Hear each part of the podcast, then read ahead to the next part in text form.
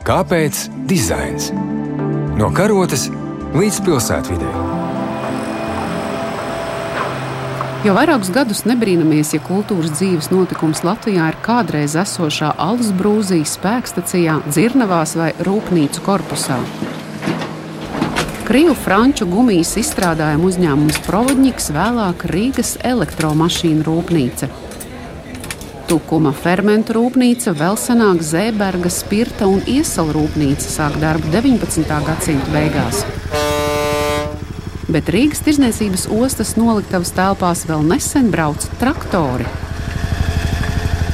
Pamestās industriālās ēkas atdzīvojas, un to tukšumu un klusumu aizpilda māksla. Riboka, Točka, Tuku magija - tie ir tikai daži no pēdējā laika projektiem, kuri kādreiz rūpnieciskā dunā darbojošo gaisotni nomaina ar izstāžu kņadu.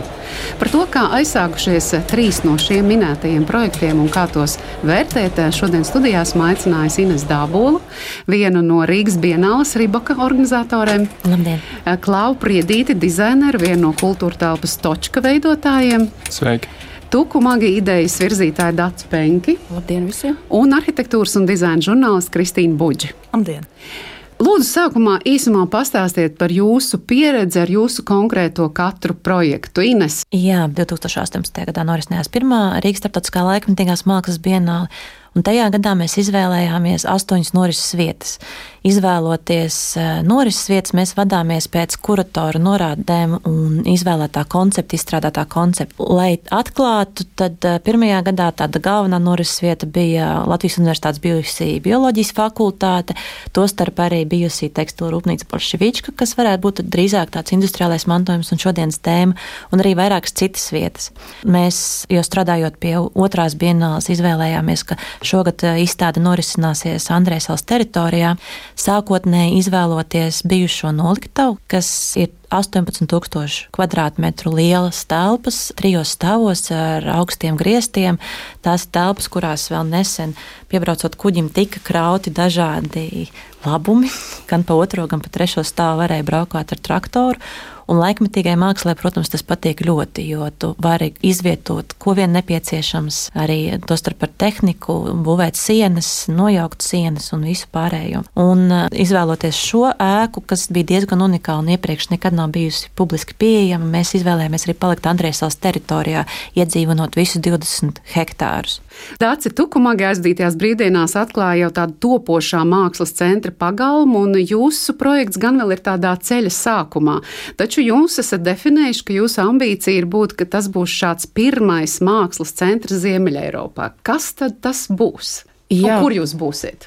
Tuku magija ir nākotnes projekts. Tas ir daudz kultūru, pasaules kultūru centrs, muzejs, daudzkultūra telpa, kas tiks veidota bijušajā valsts tukuma fermentu rūpnīcas ēkā. Pašā tukuma sirdī centrā pasta ielā 26. Šis ir ambiciozs projekts, ko mēs saprotam, ko tas prasa. Šī projekta ideja aizsākās pirms trīs gadiem. Amerikas Savienotajās valstīs dzīvojoši mākslinieki Jānis Jakobsons un Zoja Frolova dažādu labu apstākļu sakritības rezultātā bija iespēja saņemt ziedojumu no privātiem kolekcionāriem Amerikā, kas ziedoja apjomīgu Āfrikas tradicionālās mākslas kolekciju, kas jau pagājušajā gadā ir atceļojusi uz Latviju.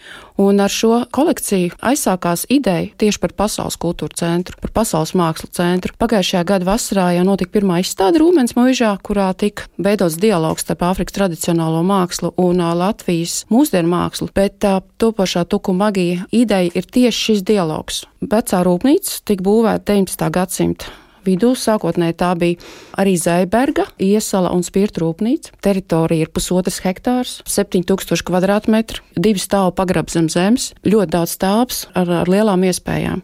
20. septembrā Tuku magija pagalma atvēršanas svētki ir pirmais apliecinājums jau uz vietas par to, kā notiek sadarbība tieši starp vietējiem iedzīvotājiem, tukumniekiem, kas bija izveidojuši ļoti aktīvu brīvprātīgo kopu ar nosaukumu Radi Tuku magija, kas pateicoties gan arī pašvaldības atbalstam ir e, iztīrīts pagalms un notiek pirmā pagalma atvēršanas svētki ar starptautisku akciju Elpo kopā ar mani. Paldies! Un Klāva! Nu, Točka par sevi saka, ka mērķis bija noteikti divu mēnešu laikā spēju radīt speciālu telpu vai mikroklimatu mākslā, kas sarunātos ar cilvēkiem. Kāda ir jūsu vieta? Mēs šobrīd apdzīvojam Trompovska kvartālu, kas ir Sarkandaugavā, bijušo Rīgas elektromašīnu būvis rūpnīcu, un mēs esam izveidojuši nelielu kultūras notikumu, kultūras telpu, kurā ietilpst uh, jauno mākslinieku, absolventu un pēdējo kursu studentu izstāde. Tur notiek laikmetīgās dejas rezidences, kas eh, tālāk pārtop eh, laikmetīgās dejas izrādēs. Tāpat arī teātris izrādes gan pieaugušajiem. Drīzumā mēs plānojam izlaist arī izrādi bērniem, un uh, tur tiks rādīta arī izrāde bērniem vēl plasmasas huligāni, kuru iesaku visiem apmeklēt. Kā arī mēs veidojam sarunas, un mēs ļoti mērķiecīgi mēģinām apvienot apvienot daudzu dažādu topošo kultūras eh, profesionāļu un arī jauno esošo profesionāļu grupas, kurās viņi dzīvo. Jo bieži vien mākslinieki dzīvo mākslinieku grupās, dejotāji, dejotāju, teātris un aktieri arī sava cita dzīve. Un tad eh, mēs mēģinam apdzīvot šo kvartālu divu mēnešu garumā, veidot saturu, eksperimentēt ar telpu, formu, Tā kā mēs esam jaunie un topošie profesionāļi, iespējams, nevajag uz to skatīties ar tādu kritisku un bārgu aci, bet uh, baudīt gan to, ko sniedz tās rūpnīcas telpas, estētika, arhitektūra un arī kultūras notikums, jo tās ir divas dažādas pieredzes, ko apmeklētājs var baudīt nākot uz šo vietu. Paldies, Klau. Nu, tagad eh, lūdzu vārds Kristīnai. Tieši te nedaudz ieskanējās nebūt kritiskām, bet eh, mēs ne tiešām nevis par kritiku, mēs par šīm ēkām, kas ir visu mūsu industriālais mantojums, kuru mēs saņemam, redzam. Kā jūs redzat šo nozīmi un to, ka tam tiek piešķirta pilnīgi cita dzīve? Nu, tas noteikti arī ir pasaules fenomens, tas jau nenotiek tikai pie mums, un daudz veiksmīgi piemēri ir. Šāda iespēja vai problēma apdzīvot neapdzīvot apdzīvotas ēkas radās kopš tā laika, kad ēkas bija ilglaicīgākas nekā to funkcija. Līdz ar to šīm ēkām bija jāatrod jauna funkcija. Un šajā ziņā, runājot par Rīgas industriālo mantojumu, var vilkt paralēlus ar pasaules industriālo mantojumu. Un, ja mēs izvēlamies dažas pieturzīmes tā vēsturē vai attīstības gaitā, tad mēs varam runāt klasiskā izpratnē no 19. gadsimta vidus apmēram līdz 20. gadsimta sākumam, pirmajai desmitgadē. Šajā posmā uzceltās rūpnīcas kas lielākoties atradās pilsētu centros vai tuvu tām. Modernisms vai 20. gadsimts tālāk attīstības gaitā šīs rūpnīcas no pilsētu centriem izspieda vai ražošanu izspieda ārpus centra. Līdz ar to rūpnīcas pārcēlās ar aktīvu darbību pilsētu nomalēs vai atsevišķos rajonos. Bet šīs ēkas brīnišķīgi būvētas pilsētu centros palika. Nevar teikt, ka uzreiz viņām tika atrasts jauns pielietojums. Diezgan daudz desmitgadus viņas arī tā stāvēja neizmantotas izmantotas. Un tad, ja tāds nākošais uzrāviens vai pirmais, kas lika pievērsties un radīja tendenci, kurai sekoja pārējie, protams, bija Britu muzejs Modern Tate, kuri 90. gados izlēma, ka šī eh, modernās mākslas galerija atradīsies bijušajā elektrostacijā, kas nebūtu nav tik sens mantojums, tas ir eh, pat 20. gadsimta vidū celta ēka, un šis bija tas pirmais trendsetters, kuram sekoja pārējiem. Tajā skaitā arī Latvijā. Tad atkal šajā rūpnieciskā mantojuma atkal atkal izmantošanas gaitā atkal var izdalīt dažādus posmus, un šis pirmais posms bija, kad šo industriālo mantojumu diezgan būtiski centās pārveidot. Šo mantojumu centās pielāgot jā, šai klasiskai izpratnē par mākslas muzeju, kultūras centru. Jā, viņus mēģināja padarīt savā ziņā, es teiktu, glamūrīgus. Un tagad atkal notiek 21. gadsimtā, 21. gadsimta otrajā desmitgadē dažādu arī šo ekonomisko, politisko turbulenču rezultātā, vai tas ir viens no iemesliem, kāpēc atkal parādās jauni scenāriji, kā tiek izmantots industriālais mantojums, ka tajā vairs netiek veiktas tik būtiskas intervences. Un šis mantojums vairāk tiek atstāts tāds, kā tas bijis, un vairāk tiek izmantotas tā dotās iespējas, nevis tas tiek pielāgots jaunajām funkcijām. Tas ir saistīts arī ar kopējo arhitektūras attīstību, ar kopējām izmaiņām, kas ir arhitektūra un kā mēs uztveram arhitektūru. Ja līdz šim arhitektūra diktēja cilvēkam noteikumus, kā uzvesties telpā, tad mūsdienu arhitektūra vairāk piedāvā scenārijus vai rīcības modeļus. Tad, kad mēs ierodamies šādā industriālā mantojuma telpā, kurā šobrīd ir kāds mākslas notikums, lielākajai daļai noteikti ir sajūta, ka te ir tieši tā, kā ir atstāts. Vai jūs varat atklāt, cik daudz patiesībā darba ir jāiegulda, lai norganizētu izstādi šādā pamestā telpā vai tikko atstātā telpā, kā piemēram tas varbūt bija bioloģijas fakultātes gadījumā? Ines varbūt sāksim. Mazliet nokomentējot arī iepriekš minēto, jo arī tas atstātais mantojums ir liecība tam, kā Rīga bija viens no Eiropas galvenajiem centriem. Tajā laikā es teiktu, ka pirmajā vietā bija Berlīna, otrajā vietā bija Rīga. Un Berlīne arī ir lielisks piemērs, kas noteikti ir jāmin. Viņi, lai gan iepriekš ir bijuši jā, šīs industrializācijas vadonis, tad šobrīd tiek uzskatīts kā viens no radošākajiem centriem. Ja mēs runājam par šī gada noliktavas telpām, ir jāsaprot, ka ieejot tajās telpās, mēs apzinājāmies, ko mēs varam un ko nevaram. Piemēram, mēs nevaram nekādīgi izvietot tajās telpās šobrīd esošajā stāvoklī muzeju lounus, aizdevums no muzejiem vai darbu oriģinālus vai gleznas, jo attiecīgi klimata apstākļi tam ir absolūti nepiemēroti. Mēs varam izvietot tikai tos darbus, kurus šī vide, kas joprojām ir putekļi, mitrums, vējš, arī ielidojošie putni laik pa laikam nevar sabojāt. Šogad tā ēka mūsu gadījumā vēl pavisam nesen tika izmantota kā noliktava. Jūlijā vēl bija granulu kalni. Teritorijas īpašnieki eh, bija ļoti interesēti mums palīdzēt un bija interesēti šo telpu pielāgot nepieciešamajam. Un vēl viena lieta, kas jāpiebilst, ka šāda veida telpas nav iespējams izmantot izmantot publiski. Ja nav dialogs ar pilsētu, tad uh, pamainīt statusu vai uz brīdi ļaut noliktavai kļūt par publisku telpu nav iespējams. Un šī gadījumā jāpaldies arī pilsētai, kas redz, cik tas ir svarīgi. Klau, kāda ir uh, tava pieredze Točkā? Pirmkārt, jau jāakcentē to, ka mēs esam šīs ēkas viesi uz ļoti īsu laiku, divu mēnešu. Ēkām bija savs šārms, viņas bija autentiskas, kā viņas tika pamestas. Mēs laidām iekšā māksliniekus jaunos, kas vēlējās eh, izstādīt savus darbus un devām lielisku iespēju veidot eh, videi piesaistītu mākslu, kā arī izstādīt jau esošos darbus. Tad tās telpas, ja viņas nav pārveidotas, viņas dod kaut kādu iespēju uz dialogu. Esam veidojuši šos mākslas darbus, kas ir piesaistīti šīm vietām, vai tas ir pelējums uz sienas, kas tur ir, vai tas ir skaists skats pa vienas telpas logu. Un, tās ir tās mazās nianses, ko dod šīs pamestās ēkas tieši un kas izpaliek.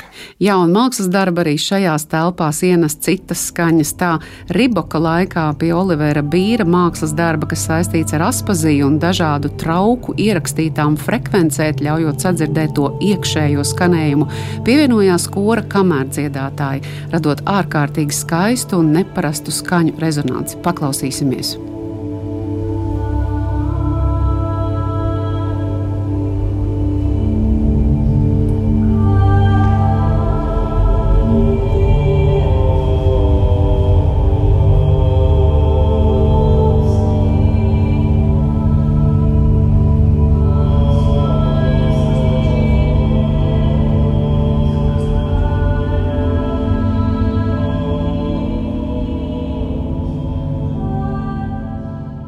Un savas skaņas ir arī točkā.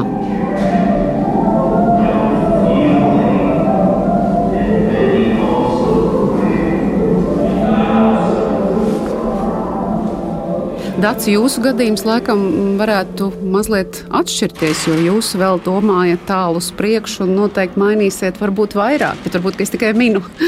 Mums ir ļoti daudz izaicinājumu, un šis ir viens no jautājumiem, par ko mēs domājam. Cik autentisks telpas atstāt no interjera un arī telpas vizuālā ārējā, saglabājot šo te autentiskumu un vienlaicīgi nesot jaunu. Un šis ir jautājums, es domāju, ka tuku magija ir periodā, kā pulksteni pendeli, kad sākot ar teitu modernu, kad uh, arhitekts zināmā mērā noteica un veidoja bijušu industriālo mantojumu perfektu, ja tā var teikt, un savukārt otra galējība ir tāds piemērs kā Aksel Ver Sherwoods centrs kanāla Beļģijā pie Antverpens, kur ir maksimāli atstāta šī industriālā mantojuma tādas, kādas tās telpas bija, kad visticamāk viņi bija saņēmuši.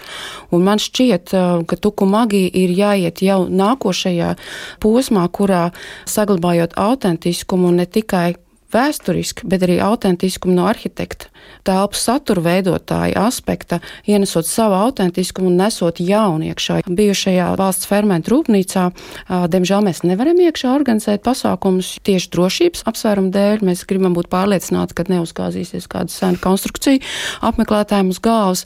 Vienlaicīgi tas, kas tur ir redzams iekšā, ir pilnīgs Mondriānī, piemēram, bijušais kafijas ceks, kas darbojās Tukumā, varbūt kāds vēl vai vecmāmiņas atcerās Tukuma kafijas ražotni, Tukuma kafiju. Brīnišķīgas konstrukcijas, ko ir veidojuši Padomju Savienības strādnieki paši ar savām rokām, ir māksla pat par sevi, nerunājot par brīnišķīgi noplukušajām eļļas krāsu faktūrām uz sienām. Pagaidām šīs telpas ir noslēpums apmeklētājiem, bet tas, ko mēs varam darīt, ir pagalms. Jā, Kristīna, kā mēs varam varbūt no tāda arī arhitektūras un dizaina ilgtspējības viedokļa rakursa skatīties uz to, cik dažādi šobrīd ir tie risinājumi un kas ir tas svarīgākais, kas varbūt būtu jāpatur vai ko pasauli parādīs, kas jāpatur vai gluži otrādi no kā ir jāatsakās. Protams, tas ir arī saistīts mākslinieku vai šo ienācēju attiecībām ar ēkas īpašniekiem, tagadējiem vai vēlāk nākotnē. Jo, protams, sākotnēji tas bija viens no lētākiem veidiem, kā kaut kur kaut ko sarīkot, izstādīt, eksponēt un tam līdzīgi. Un tad, protams, ka šo ēku un ap to, ap tām esošo rajonu attīstību bija tā, ka mākslinieki var teikt šīs ēkas un šos rajonus uzsildīja. Sākās tas, ko mēs dēvējam vai nu par gentrifikāciju, vai vienkārši šo rajonu uzplaukumu, kas parasti rezultējās ar to, ka mākslinieki tiek paši izspiest no šīm ēkām un rajoniem. Un man liekas, ka gan pasaulē, gan Latvijā ir gūta jau arī šī pieredze. Man liekas, jau pašā sākumā tiek diezgan skaidri slēgta vienošanās, vai apmēram arī mākslinieki apzinās, ka viņi te nepaliks ilgi, ka iespējams nāks pēc tam, kas izmantos šīs vietas biznesam un tam līdzīgi.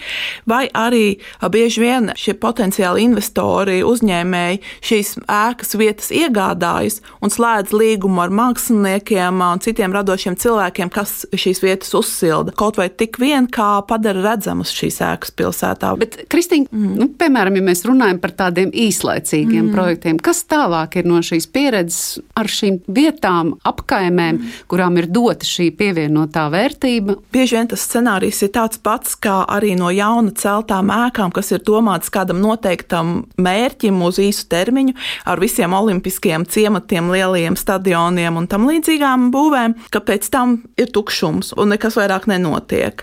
Šī pati Venecijas bienāle aizvien biežāk parādās šie jautājumi par materiālu otrais izmantojamību, ka šīs ekspozīcijas tiek veidotas no tādiem materiāliem, ko var otrais izmantot, vai jau nākošajā ekspozīcijā šiem materiāliem tiek pievienot tāda papildus vērtība un piesaucot, ka tie ir tie paši materiāli, kas tika izmantot tajā ekspozīcijā, bet tagad jau tiek radīts vai nu jauns iekārtojums, vai jau tiem tiek piešķirta kaut kāda mākslinieciska vērtība. Klau, runājot par to, ko tomēr tas atstāja mums visiem. Tātad jums ir dots šis termins divi mēneši. Ir divi scenāriji. Vai nu viss apsīks, vai arī kādu laiku tā vēl varētu turpināt būt kultūras mājvieta, un tālāk caur šo kultūras mājvietu šī vieta tiek iepazīstināta citām sabiedrības grupām kas eh, tālāk eh, redzēs iespējams šo telpu potenciālu, viņas liksies šarmantas, eh, tur varēs īrēt darbnīcas, veidot citu veidu pasākumus. Labi, paldies, Ines! Ir divi piemēri. Viens no tiem ir Latvijas Universitātes bioloģiskā fakultāte, kas pēc Bienālas šobrīd ir kļuvusi par vienu no startupu uzņēmumu centriem. Tāpat arī Kristapa Morberga dzīvoklis Lārāņa bulvārī, kas iepriekš daudzus gadus stāvēja pamests, aizmirsts un nevajadzīgs, šobrīd aktīvi tiek izmantots. Un, savukārt, runājot par Andrejas salu, es nezinu, man būtu ļoti bēdīgi, ja nekā tas tālāk netiktu izmantots. Faktiski telpas ir noliktava un būtībā kā noliktos funkcija var arī vēl funkcionēt kādu laiku. Vienlaikus es no savas skatu punkta redzu to milzīgo potenciālu, kuru mums izdevās tikai trijās nedēļās parādīt tik vienam, jo izstāde apmeklēja vairāk kā 20 tūkstoši cilvēku, kas priekš Rīgas ir ļoti daudz, jo sevišķi brīdī, kad nav iespējams uzaicināt ārzemju viesus. Un, Daci, kā jūs domājat par savu projektu? Es gribu teikt, ka uh, projekts ir sācies un viņš turpināsies tieši caur pagalmu. Mēs jau plānojam nākošajā vasarā rīkot um, dažādus pasākumus pagalmā. Mums ir paveicies ar to, ka Tukumagī pagalms veido slēgtu teritoriju, un līdz ar to mums ir daudz lielākas iespējas radīt īpašu gaisotni. Tāpat, jau pateicoties šiem pirmajiem notikumiem un pagalma attīrīšanai, esam tikuši ar vienu kāju jau rūpnīcas teritorijā esošajās nelielajās palīgēkās, arī sarkanās ķieģeļa senās 20. Um, gadsimta sākuma ēkās, kurās jau būs iespēja izveidot nelielas izstādes jau zem jumta. Un šīs telpas ir atšķirībā no lielās rūpnīcas telpām, ir salīdzinoši drošas. Paldies par jūsu apņēmību, paldies par komentāriem, paldies par viedokļiem, paldies par jūsu darbošanos. Jā, un paldies arī Kultūra Kapitāla fondam par atbalstu raidījuma izveidē. Tā skaņa montē Judīta Bērziņa, studijā bija Ilza Dobele. Uz tikšanos!